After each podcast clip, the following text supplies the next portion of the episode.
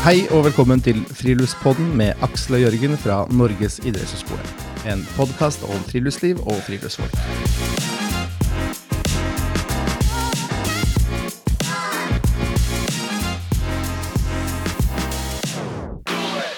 I dagens episode av Friluftspodden får dere høre et opptak vi gjorde i sommer, hvor vi ønsker velkommen vår første gjest, nemlig dosent ved Universitetet i Sørøst-Norge, André Horgen. Og André er spesielt invitert til å debattere videre rundt tematikken tur etter evne, som vi begynte å diskutere i episode fire. Så hvis du ønsker en kort innpåmarsj til dagens tematikk, så finner du altså det i episode fire. Men nå er det bare å spisse ørene og bli med på en samtale som har tur etter evne som omdreiningspunkt, men som også gir et innblikk i hvordan ulike perspektiver på sikkerhet og risiko har preget og fortsetter å prege friluftslivet. Så har vi jo da gleden av å ha deg som gjest i dag, André Horgen, eh, hos oss i Friluftspodden. Men det er nok eh, en del som kanskje ikke helt vet hvem du er. Så hvis du kunne, kunne du fortalt litt om hvem du er, og hva du holder på med, og hvor du holder til? Ja, det kan jeg. Eh, jeg holder til i Bø i Telemark, på Universitetet i Sørøst-Norge. Og jobber med friluftslivsstudiene der. Jeg er programkoordinator for, eh, for bacheloren vår i friluftsliv, natur- og kulturveiledning. Og jeg har også ansvar for førsteårsstudentene der. Mm. Så bakgrunnen min er at jeg har idretts- og friluftslivsutdanning. Jeg har et hovedfag fra gamle Høgskole i Telemark og Idrettshøgskolen i sin tid, når de samarbeidet om det. Og så har jeg en doktorgrad eh, her fra kulturstudiene, eller kulturdoktorgradprogrammet i, i Bø. Hvor jeg har skrevet om sikkerhet og risiko i norsk friluftsliv og naturbasert reiseliv. En kulturhistorisk studie. Mm. Så etter det har jeg rykket opp til dosent, og jobber da som dosent ved, ved USN. Mm. Hvor, hvor, lenge har du holdt på inn, med å utdanne andre innenfor friluftsliv? Altså, jeg har jobbet ved universitetet eller tidligere høyskole i, i 22 år nå, eh, blir det vel. ja. Og før det har jeg også jobbet, vært innom i hvert fall, eh, forskjellige, forskjellige skoleslag. Eh, både barne- og ungdomsskole, folkehøyskole, så vidt. Og også jobbet en del i reiseliv, som guide. Mm. Vært guide på Svalbard i ja, seks eh, sommersesonger var det vel, og, og tre vintre. Så jeg har, uh, har også litt uh, en fot i den reiselivsretningen. Uh, mm. mm. mm. Innspill, Jørgen? Nei, det høres jo veldig solid ut, dette her. ja. Riktig vanlig intervju om dette temaet, tror jeg. det er utrolig flott, André, at du hadde lyst til å ta, det, ta prate med oss, da. Ja, det må jo takke Jan for sånne, sånne forespørsler. ja, så hyggelig. Eh, nei, for jeg tenkte på deg, for jeg hadde jo en liten sånn eh, diskusjon med Jørgen her om tur etter evne. Eh, hvor jeg solgte inn at jeg hadde gått og tenkt på det i ti år. Det Men, og så sa jeg for så vidt også at jeg ikke hadde lest så mange som hadde skrevet eh, liksom problematisert det, da det, eh, hvor jeg mener at det krever liksom, hele konseptet krever erfaring. ikke sant? Eh, at det, altså, En uerfaren greier ikke å velge, nødvendigvis å velge tur etter evner. da. Mm. Så at den er, den er liksom, jeg har litt problemer med den. Eh, men så, så, har jo ja, Du har jo skrevet for så vidt en, mye om sikkerhet, risiko eh, mm. og den slags i, innenfor friluftslivsfeltet. Og så har jo også Ivar Han skrev jo en um, han skrev jo faktisk, som jeg glemte da, men det er jo i den boka Jørgen, som du har uh, vært redaktør for, denne veileder, et festskrift til Nils Faarlund, så har han jo en uh, Ivar Mytting skrevet om retorikk eller didaktikk. Perspektivet på sikkerhet i friluftslivsutdanningen. Og der mm. snakker han jo også om det, blant annet. Mm.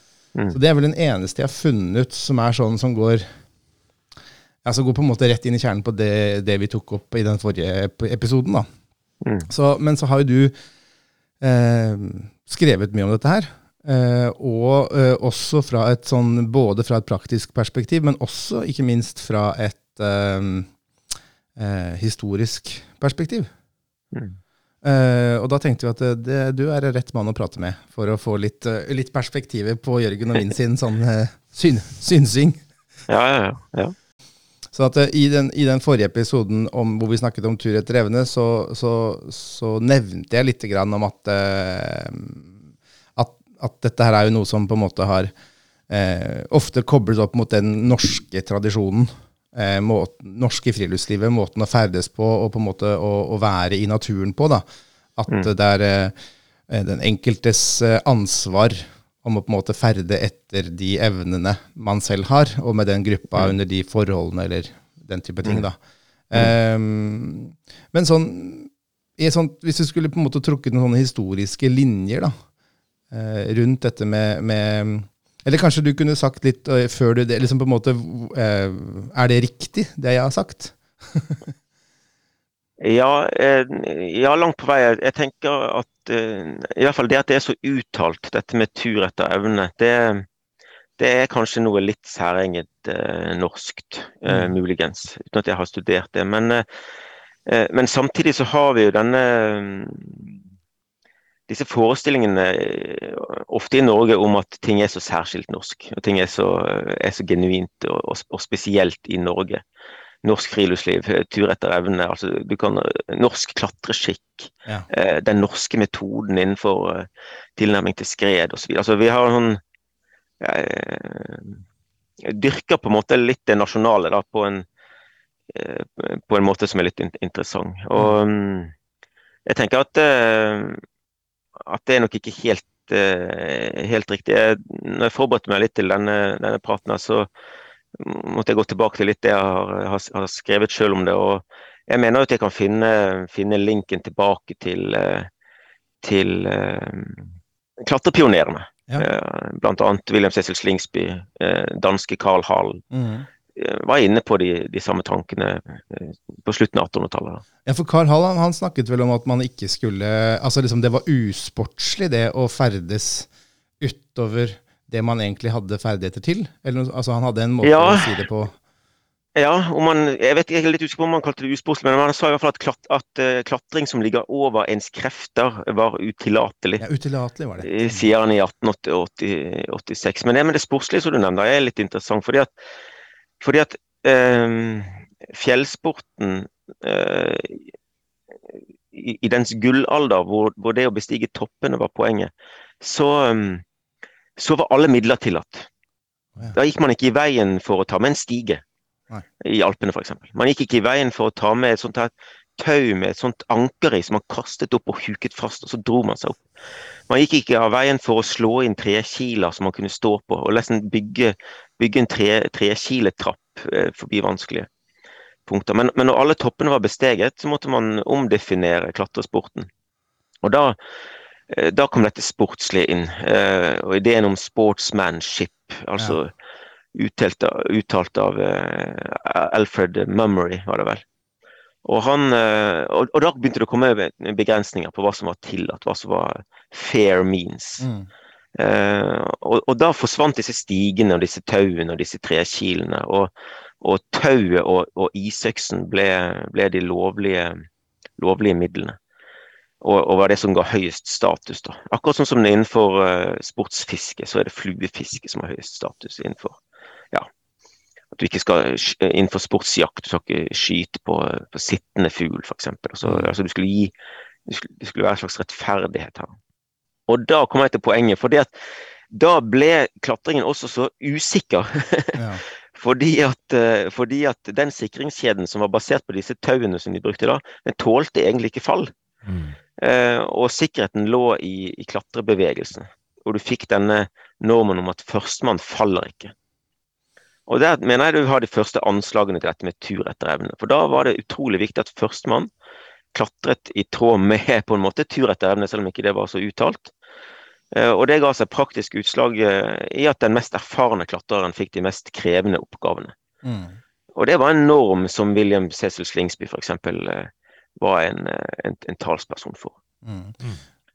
Men, Mm. men dette er jo da Det er interessant at du sier at det, er den, det var da den mest erfarne eh, Ja. som, som fikk de vanskelig. Fordi jeg antar da at man tenker at den personen var på en måte antageligvis best, men også hadde, hadde med, altså, mengden av erfaring og ulik erfaring til å kunne Mm. da lese dette her og gjøre, gjøre de gode vurderingene. da. dette her, nå må jeg stoppe, her må jeg gå, nå Mm. kan jeg ikke gå mer, eller dette, dette, dette går, liksom. Mm. Eh, og for meg så bekrefter det litt den tanken om at det krever ganske mye erfaring for å gjøre disse gode vurderingene. Ja, ja.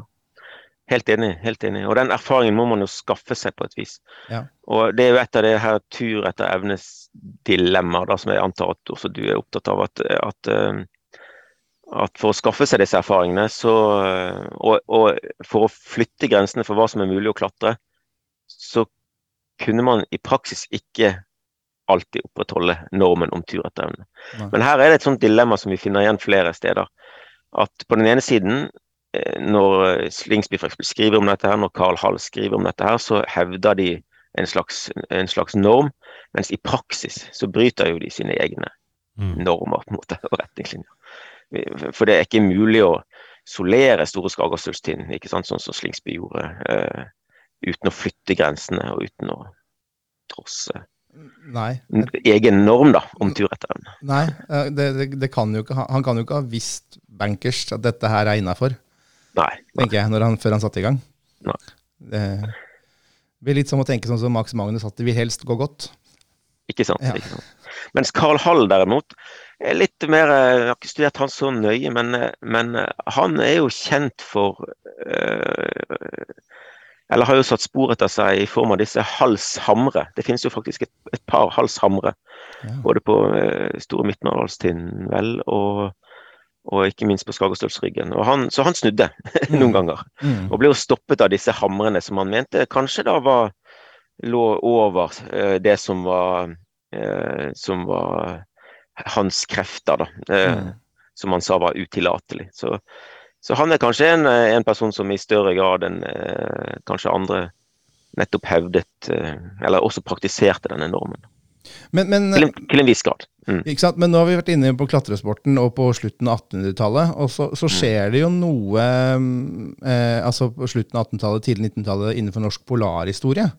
Mm. Eh, for at, for jeg, når jeg titta litt rundt og leser, så er det litt sånn ehm, Litt sånn stille, holdt jeg på å si, innenfor liksom hvem som var eh, bidragsytere liksom, som, i forhold til tur etter evne og norsk på en måte ferdselstradisjon, fram til Forlund og Ness på 60-70-tallet. Som på en Mm. måte, eh, og Da har jo ulykkespåsken og sånne ting i 67, men, men, Mm. men i sånn tidlig 1900-tall, altså på en måte hvis vi skulle sett på Amundsen og Nansen og, og, og disse kompanjongene der, hvordan på en måte Mm. passer de inn i den tur etter evne? Ja, Det er et godt spørsmål, og det er jo dilemmaet. Jeg- påpeker det i en, en artikkel jeg skriver om dette. her. eh, Fordi Nansen først og fremst blir jo trukket frem som et forbilde i nesten alle sammenhenger, bl.a. av Nils Forlund, som du nevner. Mm. Som et slags sannhetsvitne både på norsk friluftslivstradisjon og, og også norsk sikkerhetstradisjon, nærmest. Altså, Nansen skal ha uttalt dette med eh, viktigheten av å mestre fjellet. Her ligger det ikke noe implisitt noe sånn tur etter evne, eh, så vidt jeg har kunnet, eh, kunnet finne. Og i praksis så, så er jo verken Nansen eller Amundsen noen, noen eh, forbilder i så måte. Altså vestkysten eller døden er ikke akkurat, er ikke akkurat i tråd med tur etter evne, vil jeg, vil jeg, vil jeg tenke. Men, men samtidig så var de jo utvilsomt ekstremt godt forberedt på alle måter, da, både Nansen og Amundsen. Det, det går jo ikke an å stikke under en stol. Eh, Samtidig har de hatt, eh, har de hatt eh, antageligvis en god porsjon flaks. Det er kanskje å banne kirken å si det, men Amundsen har jo en, en, en nesten-hendelse når de driver og setter ut depoter, hvor det er Hjalmar Johansen som, som berger skinnet hans, holdt jeg på å si. Eh, blant annet. Eh, Hjalmar Johansen er jo også en, eh, en mann eh, Nansen hadde med seg i, i, i Polhavet. Så, men igjen, kanskje plukket de ut de rette folka. eh, kanskje var det innafor, men det er ikke noe tvil om at de ekspedisjonene der er jo, er jo helt på, på, på grensen. Ja, men samtidig så kan man jo også si at eh, kanskje at, eh, at sånn som De har jo også gått gradene. Altså sånn Ja. de, kan, de har jo sånn som Jeg tenker at noe av grunnen til Amundsens suksess på Sydpolen var jo nettopp det at eh, Altså var researchen, var forarbeidet, var Mm. den planmessigheten. Mm. eh, som, som, eh, som gjør, igjen da, hvis vi trekker linken til tur etter evne og den, dette Ja. erfaring, det er altså at du har opparbeida deg eh, såpass mye erfaring og planlegging og backuper at du gjenkjenner eh, situasjoner før de blir kritiske, og at Ja. du har alternativer, og at du har en handlingskompetanse innabords som gjør at du greier å håndtere situasjonene. Og sånn sett på en måte også opererer i de der grenselandene mellom tur etter evne og det å pushe disse grensene hele tiden. Sånn at du utvider landskapet, da. Ja, og det har, jo- jo, har jo både Nansen og Amundsen gjort utvilsomt. Eh, Det er helt riktig. Altså, det går vel nesten galt med Amundsen på en av hans turer over Hardangervidda f.eks. Så Mm. det er klart det, ja. Så, så, så der er jeg helt enig med deg. Det, det, men, men, eh, men likevel så har denne normen stått veldig sånn sterkt og veldig sånn uttalt. Og hvis vi vender litt tilbake til klatrerne, så, så er det jo en direkte overføring fra, i hvert fall fra Slingsby til eh, norske klatrepionerer. Altså Henning Tønsberg senior og, og Christian Tandberg de klatret jo faktisk med Slingsby. Eh, og er de første som da eller eh, som da etablerer norsk, eh, norsk tindeklubb. Og denne normen står jo så sterkt blant de, blant, blant de tidligere klatrerne at når, når Henning Tønsberg, som eh, leder an i taulaget da, sammen med, sammen med Bryn, Alf Bryn, på Store Midt-Maradalstind i 1908, og, og faller, så bryter han normen om både førstemann faller aldri, og på en måte normen om tur etter, etter evne. da. Og må jo da gå fratre fra sin posisjon som leder for Norsk Tindeklubb pga. dette. her. Så, så, så den står veldig sterkt. Og det er en, da en link tenker jeg, fra, Norsk eller fra Slingsby, Norsk Tindeklubb, og de navnene som du nevner, Nils Faarlund, eh, Arne Næss Um, uh, så jeg, jeg tenker det, det er der en del av denne tenkningen, tenkningen kommer fra. Mm. Og, og når vi nevner Arne Næss, så, så er jo han også et klassisk eksempel på akkurat den problemstillingen som du reiser her. Denne med, dette med å balansere tur etter evne og det å flytte grenser for hva som er, hva som er mulig, og bygge seg erfaring. Han var jo kjent som Det er jo Geir Grimeland i, i en historie om klatring i Norge som nevner det at han, han um, ble jo omtalt som professor Safe og Mr. Wild. Mm. Så i, i praksis var han vill og gæren og tok sjanser og gjorde, gjorde ting. Mens, mens på skri, bak skrivebord så hevdet han også en slags norm da, om, om tur etter evne. Mm. Veldig interessant. Og så tenker jeg, eh, hvis vi, hvis vi på en måte flytter oss litt fram da, sånn til, eh, til 60-70-tallet, Mm, mm, eh, så, så blir jo dette her at eh, eh, Eller i hvert fall så løfter jo den tur etter evne, eh, og fjellet er ikke farlig for den som farer varlig. mm, Eh, og, og, og at på en måte hvis man ferdes på naturens eh, frie premisser, eh, så, så på en måte så, så, så ferdes vi også etter evne, og derfor unngår vi å sette oss i situasjoner. da. mm. Um, og den har jo på en måte eh, ja, den, den, den, vi, vi, vi, Det følger jo oss i dag også, Absolutt. Mm, tenker jeg. Eh, hvis man leser i DNT-blader og i, på internett, og på en måte også på hva vi i universitet- og høyskolesektoren på en måte jobber med, så er jo ferd og tur etter evne på en måte en sånn, et viktig eh, aspekt som vi, som vi jobber med. da. mm. Så, Mm. Men em, ja, Jørgen, hadde du noe innspill her? Rakk du opp hånda? Ikke lett å komme til. det. Nei. Nei, altså, jeg, jeg bare gjorde meg noen tanker i forhold til dette med det man sa, at eh, i hvilken grad eh, er det innafor å pushe grensene? Og, og, og, altså Et lite blikk tilbake igjen på dette med Slingsby. Eh, han, han gjorde jo noe for første gang. altså Han sto på Store Skaggastølstind eh, som førstemann. Eh, så tenker jeg, eh, må han da naturlig nok ha vært utenfor evne? Og jeg vil jo si nei. altså Han kan jo gjøre seg vurderinger underveis, hvor han kommer altså, til ukjent terreng. altså så, kan han da gjøres opp en uh, vurdering. Er dette her innafor eller utafor hva som er min evne? Mm. Og så kan han komme til at denne hammeren her, eller denne, dette svaet her, det, det er innafor. Ok, jeg Mm. går videre. Mm. Og så kan det være en form for logikk som gjør at til slutt så står han på toppen og kan ha opplevd sjøl at han hele tiden har vært innafor en eller annen form for akseptabel eh, et, et akseptabelt risikonivå for han, og at det har vært eh, etter evne, etter hans evne. Mm. Så, så jeg, jeg, bare tenker, man kan kanskje ikke si at det er fordi man er en form for eksplorativ, utfordrende tilnærming til sporten eller til friluftsliv eller til klatring, altså, så må man nødvendigvis være en gærning. Eh, jeg tenker Nei. at det kan gjøres eh, innenfor eh, ferdigheter som eh, en person har, da. Ja, jeg er helt enig, helt enig i det. Mm. Så mm. Men, men så tenkte jeg videre på dette med altså, hvordan bruker vi det i dag? Ja. Eh, og, og og det ene er jo ferd etter evne blir jo veldig ofte koblet mot ferdighet. Mm. Eh, og så tenkte jeg kanskje du kan si litt mer, André. Altså, dette her med at eh, naturen er ikke farlig for dem som ferdes varlig, er det det heter? ja, naturen er ikke farlig for den som farer varlig. Farer varlig. Mm. Og, og da plutselig så knyttes det jo igjen kanskje et annet eh, element her også, dette med romantikken, med naturtilhørigheten, dette her med kanskje økologi, kanskje mm, naturvern osv.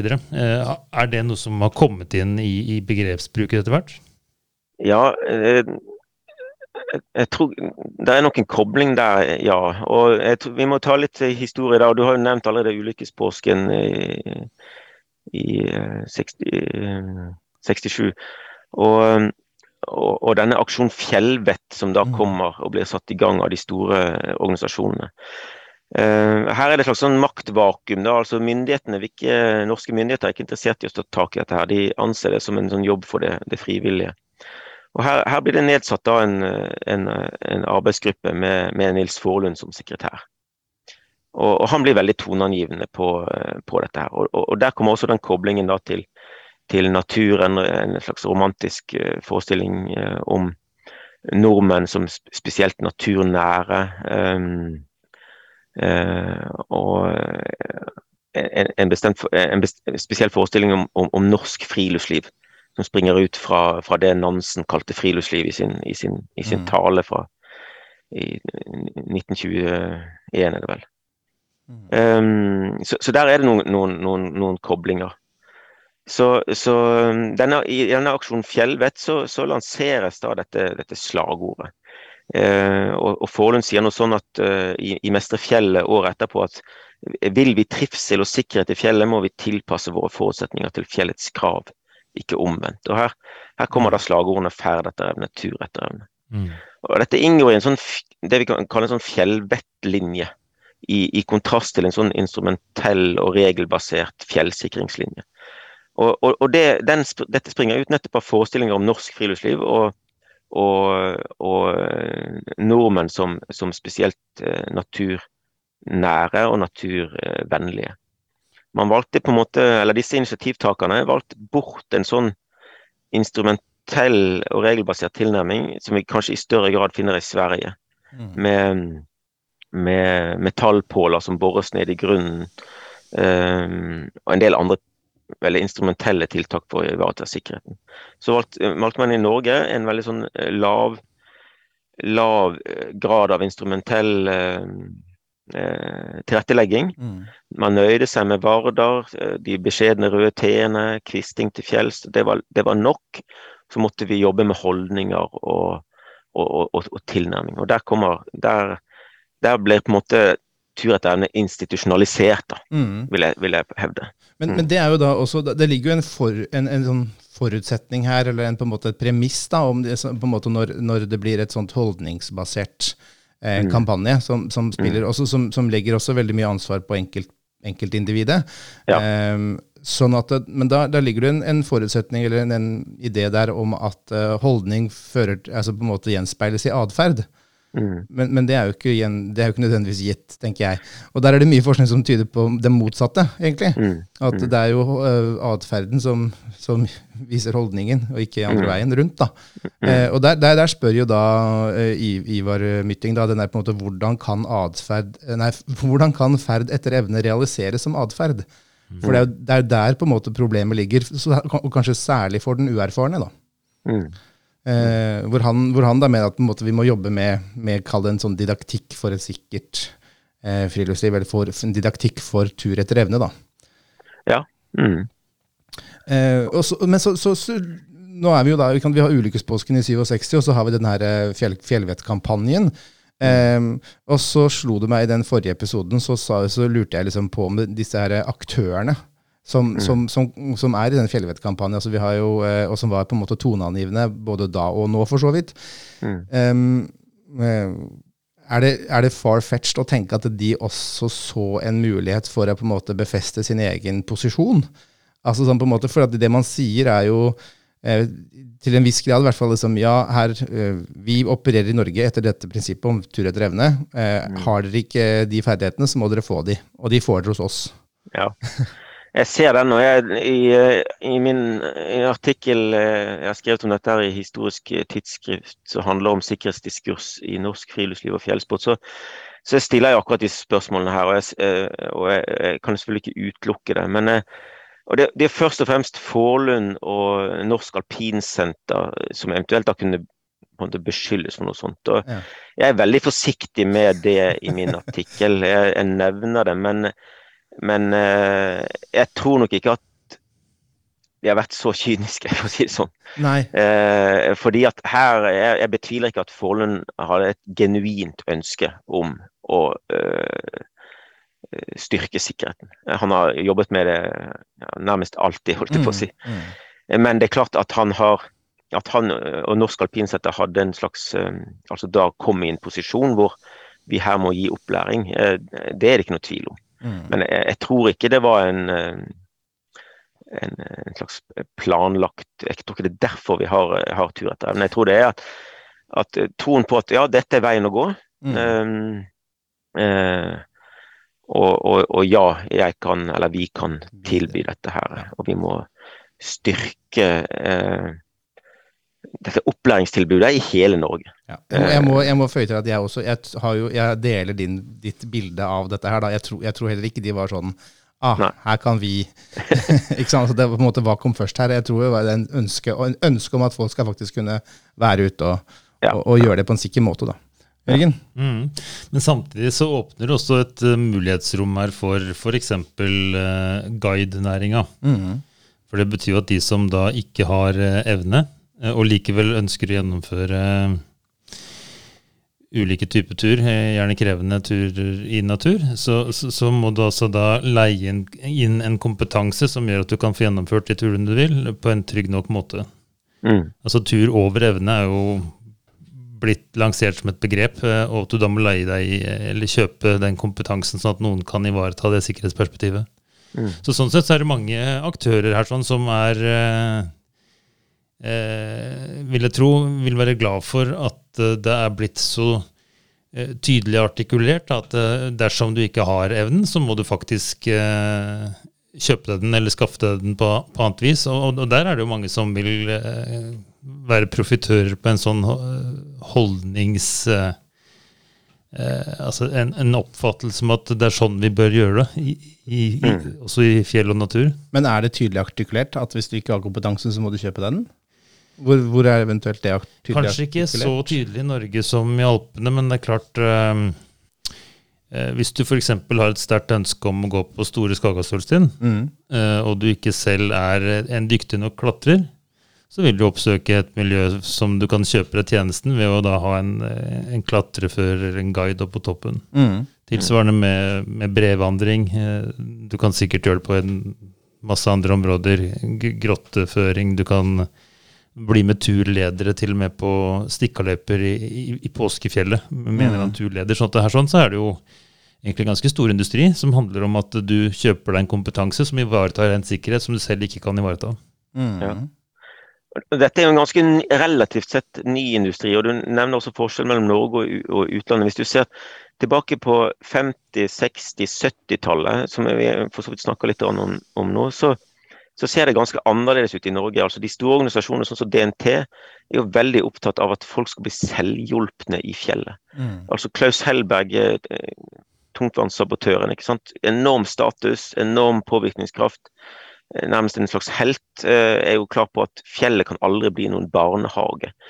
Eh, og det er en klar policy at folk skal bli selvhjulpne. og Det blir nærmest en del av den norske identiteten og, og, og mestre fjellet, som, mm. som, som Nansen skal, ha uttalt. ikke sant? Mm. Og, så, så, kursene til DNT legger jo opp til at folk skal bli selvhjulpne.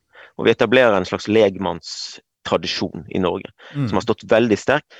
Inntil, eh, inntil, det som du, Jørgen, som jeg oppfatter det, snakker om. Eh, når det starter, om det er 15-20-25 år siden, det, men det skjer antageligvis gradvis. Nå har ikke folk tid lenger eh, på samme måte som før til å, til å gå gradene. Til å følge denne, som Mytting kaller denne, denne didaktikken, eller som, som Tordson vektlegger progresjonen. Mm. De har ikke tid til å gå, gå progresjonen som skal til for at du blir kompetent til selv å klatre på store syltynn. De vil hoppe over eh, mange av progresjonstrinnene og kjøpe seg en, kjøpe seg en tjeneste. Og da, da vokser dette guidemarkedet eh, fram i enda, enda, større grad. Men det sto ganske svakt, var ganske svakt i Norge veldig veldig lenge. Ja. Eh, sammenlignet med en del andre land.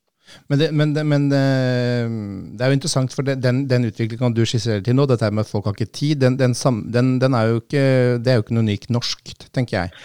Nei, det, det, sammenfaller jo litt med på en måte denne ideen om the experience economy.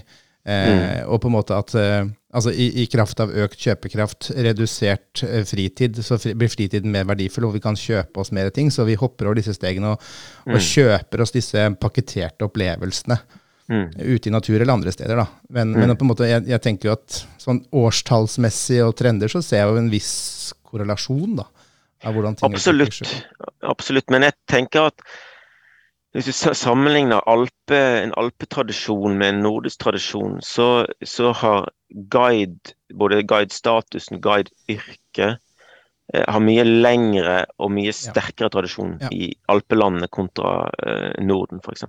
Og det er nettopp, uh, vil jeg delvis forklare ut ifra denne legmanns, uh, legmannstradisjonen. Husk på at vi hadde et patentførervesen, og før det hadde amtmannen for Nordbergen hus amt et uh, veiviservesen over, over Jostedalsbreen.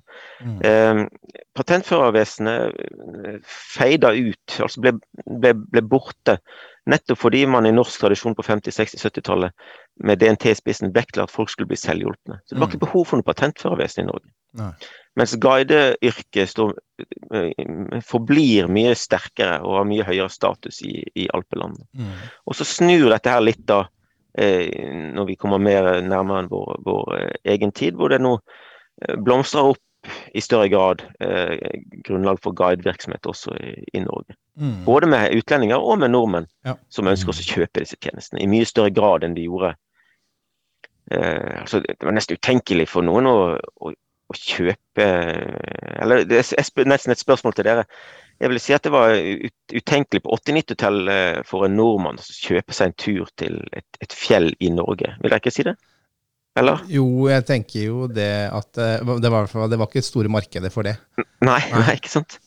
Det var nesten Skal du kjøpe det? Altså, da må du Nei, altså, vi klarer oss sjøl, ikke sant. Det er den der ja. ja.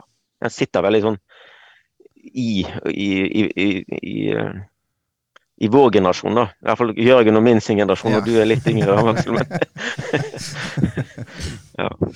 Men jeg tenker kanskje også har Svalbard eh, Interessant at du har erfaring derfra, André. For det, eh, det er jo et sted man drar til hvor de aller fleste tenker at her sånn trenger jeg guide. Altså Noen drar til Svalbard for å gå egne turer også, og er eh, forberedt på det med det det innebærer av å takle et veldig tøft klima. Men, men veldig mange de, de, drar jo på organiserte turer.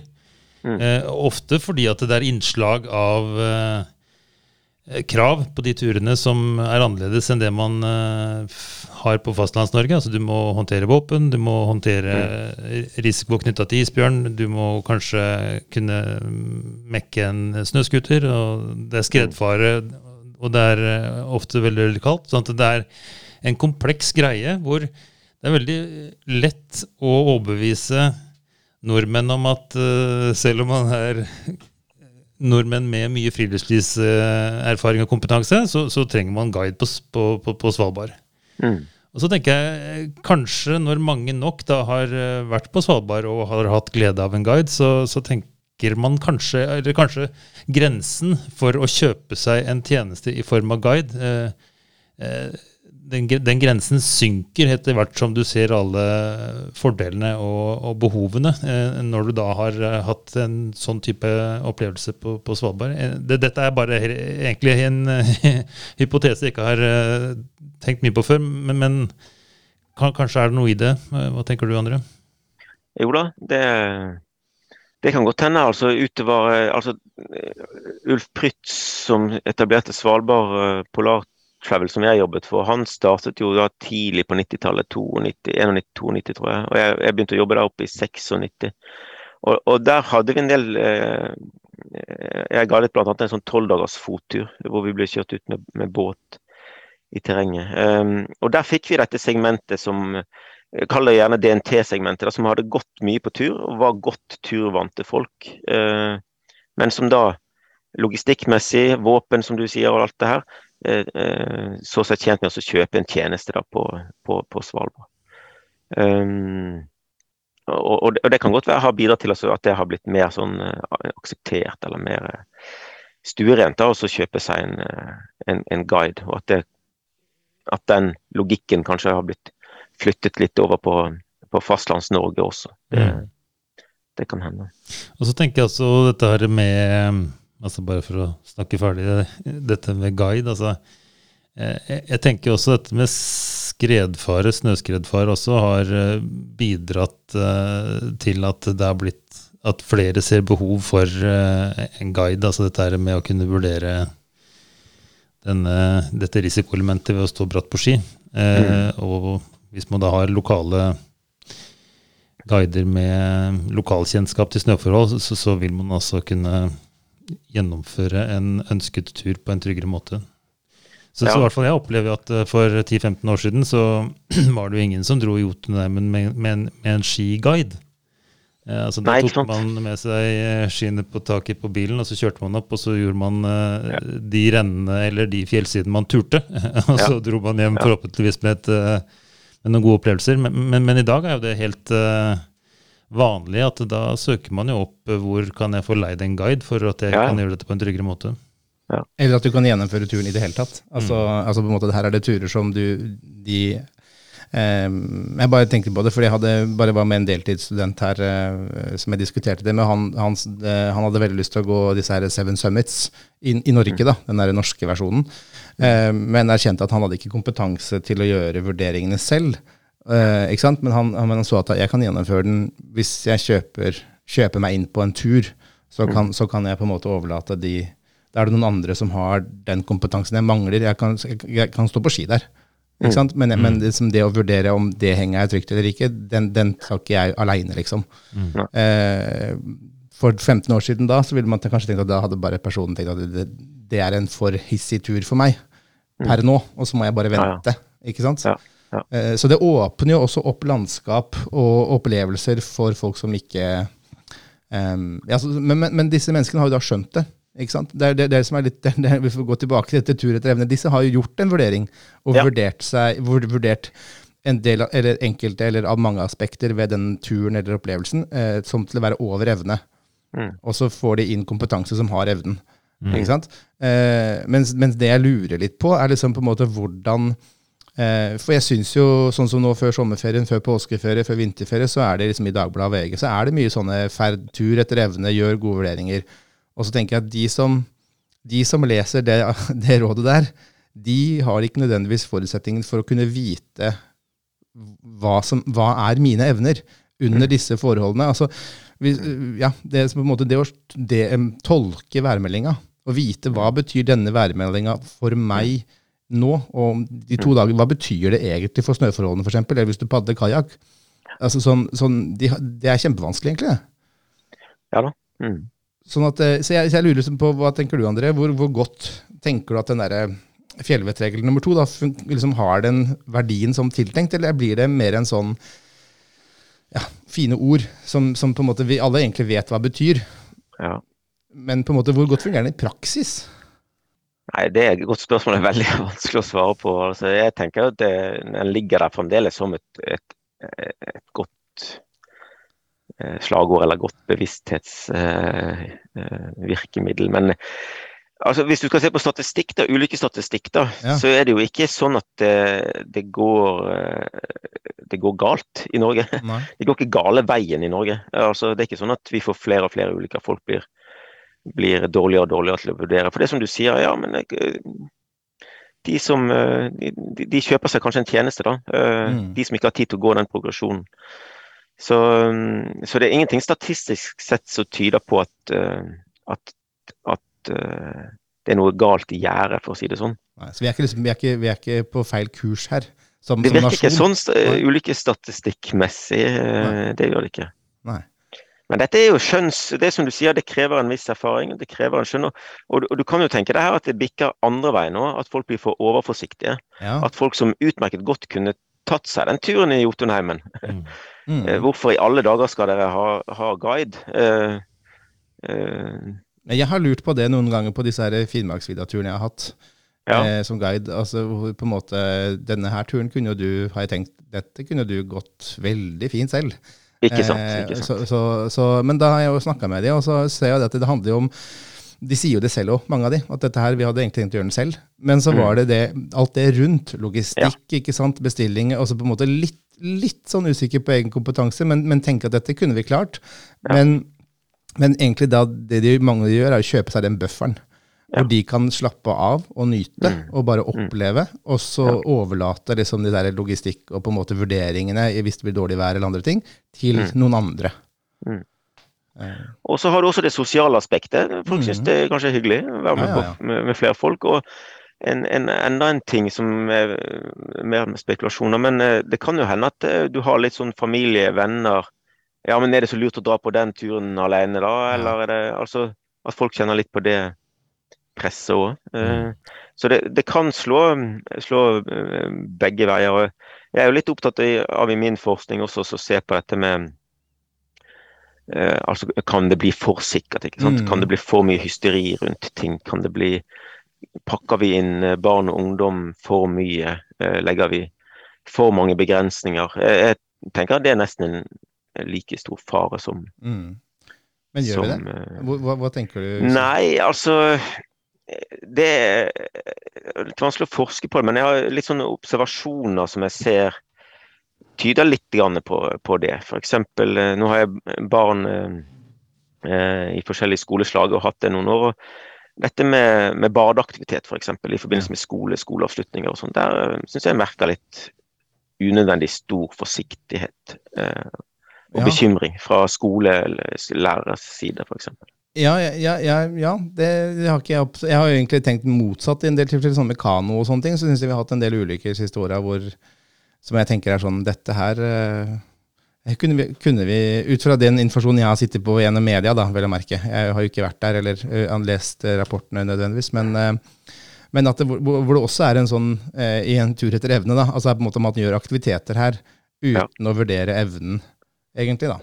Du har noen av de, og er helt riktig. Det har vært en, eh, en tre-fire litt sånne større nestenulykker med, med Ja. kano, Ja. eh, hvor folk har blitt Det, det er riktig. Nå har det, nå har det gått bra, stort sett, men eh, Og det skumle ja, med det, da. Det eh, nei, med det det er hele tiden en sånn balanse her, og en sånn eh, Jeg kaller det sånne diskursive forhandlinger. altså man Du har uh, samtaler som trekker i retning Mm. mer sikkerhet, mer forsiktighet, mens du har også samtaler som trekker i, i motsatt retning. Ja, for det som jeg syns er synd med sånne i, i etterkant av en sånn nes- nestenulykke, eller eventuelt altså primært av nestenulykke, hvor det liksom det går Det gikk heldigvis bra, men det var flaks, kanskje. Ja, ja. Eh, ikke sant? Eh, så i, i lys av disse kanohendelsene, så har det blitt sånn, så blir det jo ofte da mange som bare Nei, men da dropper kano. ja ikke Ikke sant? sant? Og da, da går det liksom Pendelen svinger helt andre veien. Fra å er ha liksom utforska og hatt et kanskje litt for em, litt for dårlig system kanskje på det HMS-planen-biten i forhold til vurderinger, så bare ja, men vi bare dropper kano. Ja. Og det er jo kjempesynd, for her er det jo ting som eh, Det er jo ting som i utgangspunktet du skal på, Det skal ikke mye til for å få deg på det nivået hvor du kan gjøre disse gode vurderingene og til lage et godt opplegg som er helt sikkert. Ikke Nei, sant? det, det er sant. Mm. Så jeg, så jeg syns ofte at det blir sånn den, den svinger så veldig til begge sider, da, kanskje. I noen av de en- eksemplene som vi har med kano, hadde man bare, kunne, hadde man bare gjort bedre vurderinger med tanke på vind og vindretning, Ja. så kunne man Så, så, Så hadde ikke det skjedd noe. nei, nei, da hadde det vært eh, litt bading, og så hadde det gått, Ja, uh, vært veldig ufarlig, liksom. Ja. Så ja. Men, men, men ehm, eh, er det mm, denne, Jeg bare på en måte tenker litt sånn tilbake til denne ulykkespåska og argumentene som ble brukt, er at vi på en måte hadde mista den derre Vi trengte på ny, så måtte vi på en Mm. måte nasjonen Norge eh, læres til å kunne Mm. Altså vi måtte igjen oppøve. Vi hadde mistet dette her eh, evnen vår til å ferdes varlig i natur, da. Og dette Mm. måtte, måtte vi øve opp på nytt igjen. Eh, og så snakker du om Du nevnte jo dette med at det var mm, på en måte motivasjonen til DNT blant annet, var dette at man skulle bli s- s- og klare seg selv. Em, hvor, hvor er vi i dag da? Er vi på en måte em, har, eh, er, det der fortsatt, eller på en måte har vi, har vi blitt mer sjølhjulpne og på en måte selvstendige i naturen, eller vet ikke hva du tenker? Ja. Nei, det er litt vanskelig å svare på, egentlig. Det, altså Denne legmann, lekmannstradisjonen som etableres 50-, 60-, 70-tallet, den eh, Jeg vil nok si at den, eh, den holder seg sterkt. Og deltakelsen i friluftsliv for eksempel, holder seg jo sterkt i 80-, 90-tallet. Men eh, jeg tenker at den svekkes. Svekkes nå, eller har vært svekket de siste siste 20-25 årene. Altså det, det, det er Deltakelsen har på en måte stoppet opp og gått eh, litt, litt tilbake. Deltakelsen er stor blant de som er genuint interessert og som deltar, men du har også et mye større segment eller større del av befolkningen som deltar i mye mindre grad. Eh, Mm. Så Vi merker det på våre egne studenter, det kan jo dere kanskje uttale dere litt om òg. Men, eh, men altså de som har erfaring, og som, som har, de er veldig flinke. Mm. Mens de som mangler erfaring, de har eh, veldig lite erfaring. Mm. Så, så på en måte gapet er blitt større. Mm. Eh, og det er mindre av de der, eh, den der store bredden som du hadde på midten før, hvor, hvor alle hadde en, en god del erfaring. på en måte. Mm. Så jeg syns jeg bare ut fra sånn, mer sånn egentlig lekmannsobservasjoner ser at, uh, at det er noen litt svekket, da. Uh, Men det kan vel vi, den beskrivelsen kan vel vi kjenne oss igjen i, Jørgen? eller? Jeg, tenk, jeg tenker i hvert fall at det, jeg, det, det høres gjenkjennbart ut for min del. At det er de som har erfaring, de har, de har ofte mye å på en måte og reflektert erfaring. Og så har Mm. du en, en mye større andel i andre enden, på en måte. Ja, jeg er enig. Altså, jeg opplevde jo at uh, hovedvekten av studenter tidligere var folk med mye erfaring og veldig høy motivasjon for å jobbe med friluftsliv, og så trengte de en tilleggskompetanse i form av utdanning. Mens nå er det kanskje en del som kommer hit med et uh, ønske om å lære friluftsliv. Uh, Mm. Altså, de starter mer på bar bakke, Altså ønsker de å, å bygge en kompetanse gjennom eh, studiene, eh, som går da fra, fra, fra, fra null og oppover istedenfor å starte på femte. Da, eh, hvis det er en form for beskrivelse av det. Og og der har vi en utfordring i alle utdanningsinstitusjoner. Altså, vi- du snakket om viste til Mytting i sted med denne didaktikken, og, og jeg er veldig glad i Thorsons vektlegging av dette med progresjon. Der har vi en utfordring, eh, egentlig alle institusjoner som jobber med opplæring innenfor, innenfor friluftsliv. Um, vi har hatt ulykker også innenfor DNT i det siste, altså hvor, hvor folk kanskje blir tatt med på, på turer som de kanskje ikke helt har forutsetninger eh, for. Så det, det er viktig at vi har en um, har, har uh, progresjon, og, og, men hvis utgangspunktet til, til eh, de du har med deg er, er så dårlig, så må du på en måte senke, senke det stedet der du starter på, da, for å si det Mm. sånn. Ja. Og det er en utfordring. Um, også når man skal lære tur etter emne, så må man erfare, men man må, må, må gradvis erfare, og man må, man må, må starte erfaringsbyggingen på, på et slags riktig nivå. Da. Mm. Mm. I hvert fall sånn som jeg opplever eh, tilbakemeldingen fra våre studenter her, det er jo at eh, for å få med alle, så må man også legge lista ganske lavt. Eh, og Mm. de som ofte kommer med kritikk mot opplegget, det er de dyktigste. Mm. Altså, som opplever at eh, det blir for lite differensiert. Eh, Mm. Sånn at eh, de sjelden blir utfordra på det evne- og ferdighetsnivået de, de kommer inn i studiet med. Ja. Altså, Ferd etter evne for dem vil naturlig nok ligge på et høyere nivå enn ferd etter evne for de som er nybegynnere, og, dermed så må de matches på ulike nivå. Og det er ikke så lett å få, tak, å få til, tenker jeg, da, i en sånn utdanningssammenheng, at man skal treffe ulike nivåer her. Mm. Nei, jeg er helt akkurat som erfaringer vi, og spesielt på vinter. Vinterbiten er dette vanskelig. Ja, Mm. ja det, er, det, er- er vel oftest kanskje der vi også støter på den problematikken der. Og, og, men som også er vanskelig. altså um, Det er som Jørgen sier, det er jo på en måte det er jo krevende å gjøre dette her. For dette skal jo skje på tur. Ikke sant? Altså, hvis du skal drive den differensieringa og imøtekomme og, og sparre på disse ulike nivåene, eh, så skal du det, det stiller ganske mye krav til oss som, som jobber der. Og, øh, og vi er ofte Vi er jo ikke, det er jo ikke Eller vi er ofte én til to på, lærere på tur. Så du skal, du skal på en måte da skal, Det er ikke alltid det rett og slett er gjennomførbart, da, syns jeg. Det Ja. å få til, Og så på gjøre det på en god måte. For det, du kan ikke bare gi en oppgave liksom, og så tenke at nå har jeg møtt denne eh, match, eh, på en måte denne litt mer erfarne studenten. Eh, De skal jo følges opp og veiledes underveis. ikke sant? Så det er jo en veldig sånn relasjonell prosess som foregår hele tiden. Mm. Så, men jeg syns jo det er, det er også veldig spennende. En veldig spennende del av eh, jobbene våre, da, tenker jeg. Absolutt. Mm. Så Ja. eh, masse spennende her, altså, André. Eh, tenker du at vi har gjort en fjær til ti høns, eller? eller? Nei da, dette det er et, et relevant og viktig, viktig tema. Så, så Og det å ta det opp Bare det å ha Det er jo en av fordelene med å ha dette slagordet. altså, Og så få disse diskusjonene. Ja. Eh, Så, så det i seg selv kan jo være, kan være fruktbart. da. ja. Og så må vi klare å nyansere og, og ikke være så absolutte rundt det, på en måte. Det, Mm. Ja. Men, men sant, i dagens samfunn, så er jo i hvert fall i det tabloide samfunn, så er man veldig glad i sånne tre ting. Eh, Sånne veldig sånne catchy. Clickbates, som vi sier. Eh, hvis, vi, hvis vi skulle på en måte mm, Har du noen tips til den uerfarne som eh, på en måte ønsker å søke ut og, og operere i dette grenselandet med evner og, og det å utvide evnene? På en måte, Hvordan kan man gå fram på en eh, forholdsvis trygg og god måte?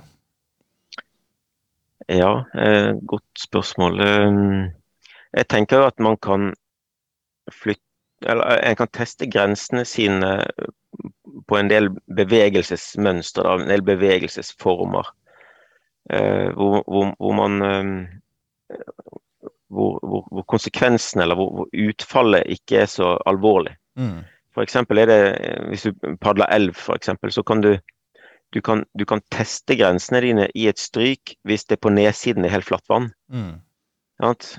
Eh, og hvis du har med deg noen som kan, kan hjelpe deg på nedsiden. Eh, du, kan, du kan teste grensene dine for hva du kan, kan klatre eh, hvis du legger til rette for eh, at forholdene er, er, gode rundt det. Mm. Så, så mm, å tenke i konsekvens, altså jeg skal, vil teste dette her, men hva skjer hvis det går galt? Eh, ja, men det skjer ikke annet enn at jeg blir våt, eller at jeg havner ned i det bassenget der, eller at eh, eh, jeg faller i et stramt tau, eller så, så kan du prøve deg. Så tenke, tenke konsekvenser, eh, jeg eh, kan være et poeng. Mm. Det, er, det synes jeg var godt tenke konsekvenser. Det er, det er fint. Um, um, um, det bare slo meg litt sånn derre Jeg er litt på siden, men jeg, jeg personlig tenker at det eh, kan henge litt sammen da, eh, med liksom at friluftsliv nå, siste ti årene kanskje, men i hvert fall siste fem, det er blitt et veldig sånn uh, it-fenomen. eller sånn, Det er jo in, veldig hot i sosiale medier. da. Det uh, blir jo florerer jo av sånne ullsokker i solnedgang i teltåpning. uh, og, ikke sant? Ja, men også, og på en måte du har ulike personer som drar på tur med, med barna sine eller andres barn, og det er liksom ikke sant? Det, er, det er bare smil. Eh, og de, noen, det er alt fra nærturer til ganske mer strabasiøse turer, som, som fortsatt gjøres med overskudd og smil, og det er liksom Ikke sant? Eh, og, og Jeg er, I mitt stille sinn så tenker jeg at, eh, at eh, dette kan eh, Kanskje ikke så mye på tur etter evne, men kan, jeg er redd for at det kan gi et litt sånn urealistisk bilde på hva friluftslivet er eller kan være. da. At liksom man drar ut som uerfaren, og så, og så har man sett alle disse bildene og blitt motivert. For det er jo mange som sier at disse sosiale mediene inspirerer og motiverer og både til å komme seg ut i utgangspunktet, men også til å oppsøke nye steder og, og sånne ting. Mm. Og, så, og så ønsker man å få til den derre eh, reprodusere bildene. Ja. Det er i hvert fall det mange av mine informanter i mitt ph.d.-arbeid sier. De, de, som, Ja. de, de ønsker å, å være i de bildene de har sett. Mm. Og oppleve og kjenne, lukte, føle selv da, Mm. på kroppen. liksom. Eh, men det er jo ikke nødvendigvis så lett, når veldig mange av disse bildene er på en måte stilisert og, eh, og oppsatt. da. Mm.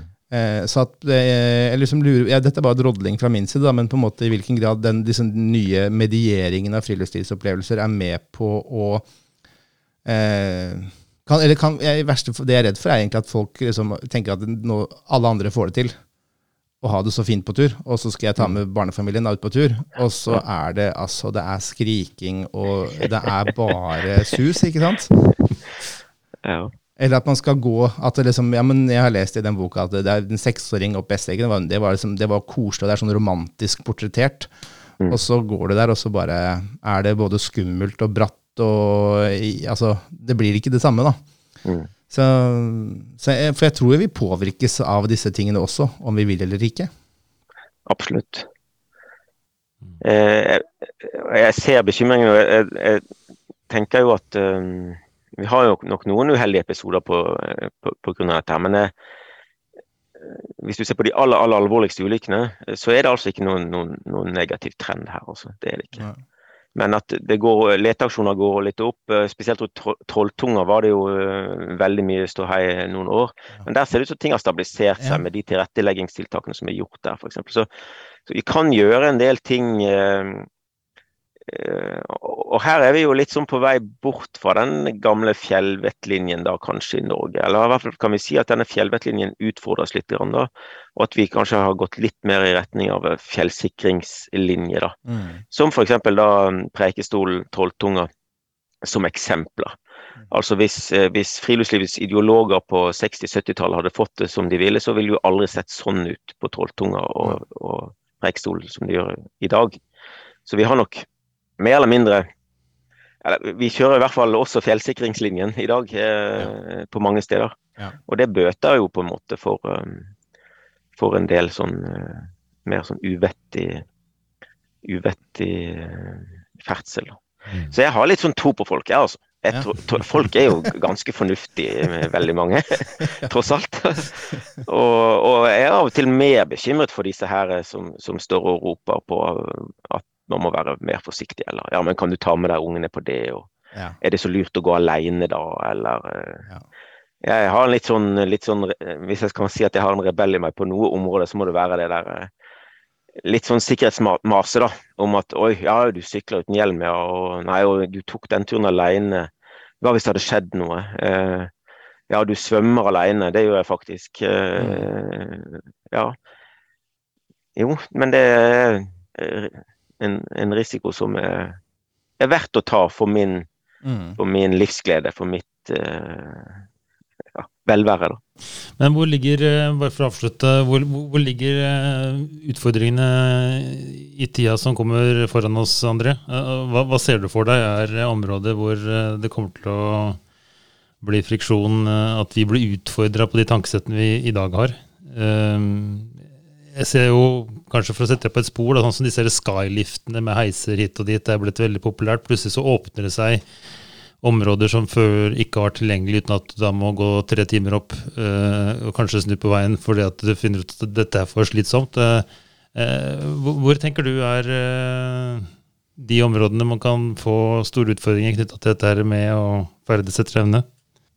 Ja, det er godt eh, I fjor så gikk jeg, apropos skylift, så gikk jeg Romsdalseggen. Vi var over der en tur. og og eh, det er mye godt, eller mye vondt som er blitt sagt om den skyliften eh, fra mange jeg har stor respekt for. Men, men samtidig så altså, Igjen da det der det var jo kolossalt mange folk som gikk over den eh, turen og fikk en fantastisk dag ute i, i frisk luft og fysisk aktivitet. og Om noen av de kom opp eller tok den liften ned eh, som, som, ekte friluftslivsveileder, så burde jeg vel egentlig vært indignert over eh, den, den, eksist, eh, den skyliftens eksistens. Men jeg har litt problemer med det. altså Det er liksom fordeler og ulemper. Eh, så, og, og, sånn sikkerhetsmessig så vet jeg ikke Sånn som Romsdalseggen er jo en litt sånn luftig, luftig tur, men, eh, men, eh, det skal mye til for at du skal klare å dette ned der. altså Du skal på en måte eh, nesten gjøre det med, med vilje. Men så, ja. Det vanskeligste området tenker jeg fremover, kanskje som vi ser, vil se i Norge, er dette med skred. Ja. Det er kanskje også der dette med tur etter evne utfordres mm. eh, eh, på en mest kompleks måte. måte. Ja, mm. jeg vil si det sånn. For hva er tur etter evne når det gjelder skredfarevurdering? Mm. Der, der, tror jeg vi har et stort, uh, et stort problem for oss, for å si det sånn. Mm. um, hvis vi får mange nok guider, uh, folkehøyskolelærere, friluftslivsveiledere, som har for stor tro på egne evner med tanke på skredfarevurdering, mm. så er det et tidsspørsmål før vi får en større skredulykke som rammer barn og unge mm. i Norge også. Og det, det, kommer til å Når hvis det skjer, så uh, tenker jeg at det det vil uh, kunne føre til store uh, endringer. Mm. Mm. Ja, og der har du vært litt Du har jo vært eh, en, du er en aktiv stemme i den, i, den, eh, i forhold til skredvarsel og informasjon og, og, sånne ting. Der du har vært flere innlegg i, ja. i, i tidsskrifter og aviser senere tid. Så jeg tror kanskje vi må invitere deg tilbake. Ja, for det er et eget tema. Ja, det, ja, vi, ja. ja det, må, det, får bli et eget tema. Og så tenker jeg det, altså det, Nå er vi på sommeren, og eh, det har jo sola snudd, så det går mot kaldere tider, heldigvis. Sånn at eh, Snart er det vinter igjen, så at, eh, jeg tenker vi må ta deg tilbake igjen eh, når vi nærmer oss vinter, og så, og så prate litt mer om akkurat det der. da. For det, jeg også, tror også at det er um, Ja, det, det, her kommer til å komme. Eh, også med tanke på utviklinga i forhold til popularitet og antall mennesker. Og rett og slett så, så er det ja, det er, det er mye å ta tak i der. Mm. Ja, ja. Eh, og også ikke minst i møte med, med studenter.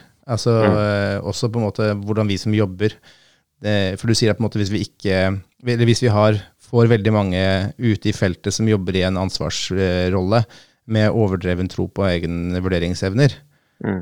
så, så, kommer vi til å få et stort problem i fanget. ikke ja. sant? Eh, ja. og, så er det da, og da tenker jeg sånn, hvordan kan vi eh, som holder disse kursene, eh, og jobber med disse studentene ute, mm. Eh, hvordan kan vi jobbe med eh, å få den derre um, selvinnsikten og kall det ydmykheten, da. Mm. Eh, for det syns jeg er ganske krevende. Den mm. derre mm, Ja. For det var et, et påpakning sånn på slutten her, så husker jeg jeg fikk et spørsmål fra en kollega hvorfor ikke vi hadde nevnt eh, selvinnsikt når vi snakket om dette med tur etter evne, da. Mm. Eh, for kollegaen mente at det var på en måte Altså, du må ha den selvinnsikten for ja. å kunne gjøre en ærlig vurdering av evnene dine, da. Og mm. hvis ikke du har den, så så, så, kan du også fort komme til å bomme da, på, mm. på turen. Hvordan måler du selvinnsikt, da? er på en skala fra én til ti, da. Erfaring og selvinnsikt, ja da. Det henger jo litt sammen, så det er viktig. Ja. Ja. Nei, men kjempe, Kjempespennende, André. Eh, tusen takk for at du ville stille opp. Det var helt supert. Og så, så kommer en ny invitasjon eh, når vi nærmer oss eh, de kaldere tider igjen. Ja, takk for å bli invitert. Det var hyggelig prat. Ja, supert. Ja, nok en gang tusen takk til André Horgen for at han ville være med og bidra til å sette tur etter evne i et litt større perspektiv. Vi håper du også har lært noe, og ikke minst håper vi at du liker det du hører. Friluftspodden, vi har ikke det store PR-budsjettet, så hvis du likte det du hørte, og kanskje også tenker at dette er noe andre burde lytte til, setter vi stor pris på at du deler det på sosiale medier, og eller tipser venner og bekjente om oss. Du finner oss på Instagram, bare søk opp Friluftspodden NIH. Tusen takk for nå, og vi høres snart igjen.